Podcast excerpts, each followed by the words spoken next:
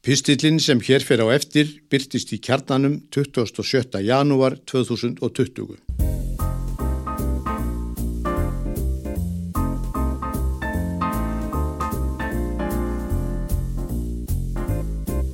Tækifæriskirkjur Í Danmörku eru 2354 kirkjur sem tilheyra þjóðkirkjunni, folkekirkinn. Tæp 70% dana eru í þjóðkirkjunni en sóknir í landinu eru 2123. Fyrstu kirkjur í Danmörku voru byggðar á nýjundu öld, önnur í Slesvík en hinn í Rýpe. Þær voru timburkirkjur, restar með konungsleifi.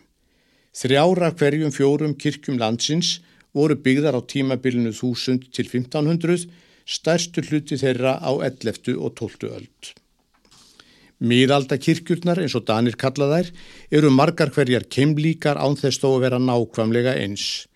Hvít kalkaðar með turni í sama lit og bröttu brúnrauðu þakki. Þessar kirkjur blasa hvarvetna við þegar farið er um danskar sveitir. Meiri fjölbreytni gætir í nýri guðshúsum sem oftast eru í nýjum hverfum og bæjarhlutum. Á undanförnum áratugum hefur íbúum í dreifbíli fækkað mjög í Danmörku eins og víðar. Sífelt fleiri velja að flytjast í þjettbílið, engum í stærri bæi og borgir. Þótt mikið sé talað um að stöðva flóttan úr dreifbílinu virðist það hægara sagt en gert. Fólksfækkun á landsbyðinni hefur markáttar breytingar í för með sér. Verslanir, verkstæði, bankar og bensinstöðvar hverfa, skólum er lokað og svo framvegis. Fólksfækkunin hefur líka mikil áhrif á kirkjustarfið. Kirkjurnar eru líti notaðar. Fáir mæta í messur, brúðkaup, skýrtir og jarðarfarir eru örfáar á hverju ári. Í Danmörku eru eins og áður var nefnt 2123 sóknir. Í hverri sókn er sóknar nefnt, meniheðsróð, sem ber ábyrð á rekstri og umsjón kirkunar. Lög um sóknarnemdir voru sett árið 1903, þar var gert ráð fyrir að í hverri sókn væri sóknar nefnd.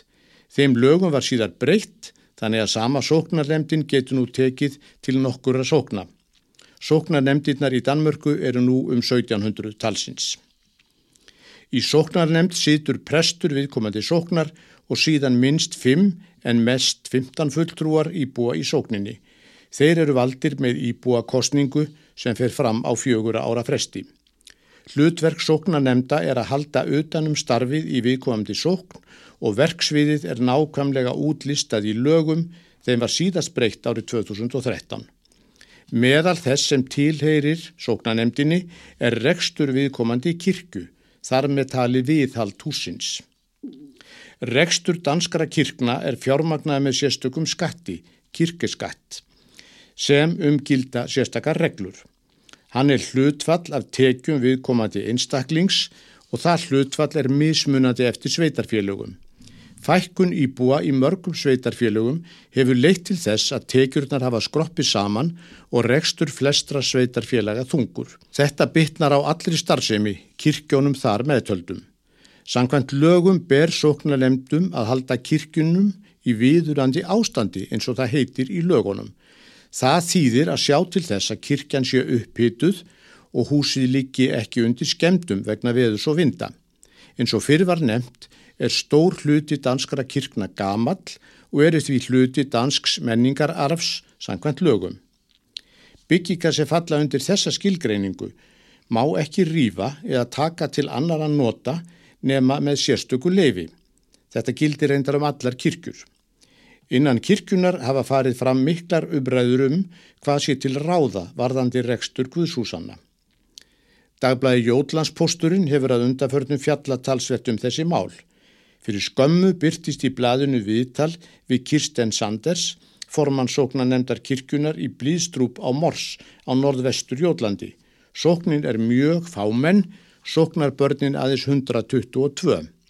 Nú standa yfir umfangsmiklar viðgerir á kirkjunni sem var vígð árið 1140.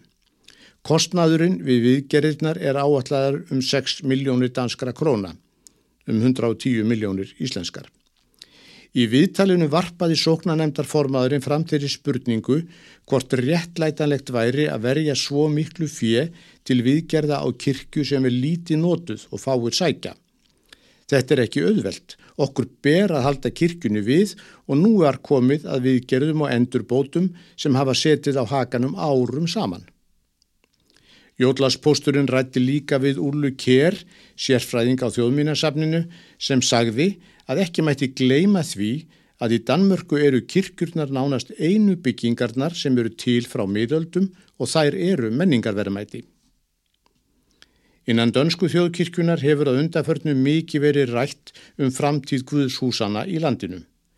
Margir mega ekki til þess hugsa að gömlum kirkjum verði lokað og þær teknar úr nótkun. Einn þeirra leiða sem rætt hefur verið um er að kirkjum í fámennum sóknum, engum það sem stutt er í næstu kirkju, verði breytt í svo nefndar tækifæriskirkjur, læliheðskirkir. Þá er því viðkomandi kirkjur lokað nema um stórháttíðar og við sérstök tækifæri. Með þessu móti væri hægt að halda rekstrarkostnaði í lámarki, til dæmis væri ekki þörf á sérstökum kirkjuverði, kynding miðaðist við að halda húsinu frá skemdum og svo framvegis.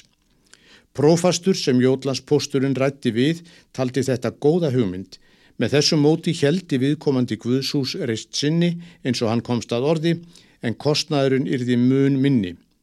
Þetta mál er á byrjunastígi, áðurnemdu prófastu sagði að ákvarðanir af þessu tægi yrðu ekki teknar í einum grænum en mikilvægt væri að umræðan væri komin í gang. Víða í Danmörku eru stórir kirkjugarðar. Þetta á ekki hvað síst við í dreifbílinu þar sem landrými er meira enn í borgum og bæjum. Í mörgum görðum í smáum sóknum eru dæmi um allt niður í eina jarðsetningu á ári. Líkbrennslur verða sífelt algengari og á síðast ári voru einungis 16% þeirra dana sem létust jarðsett í kistu. 84% voru brent.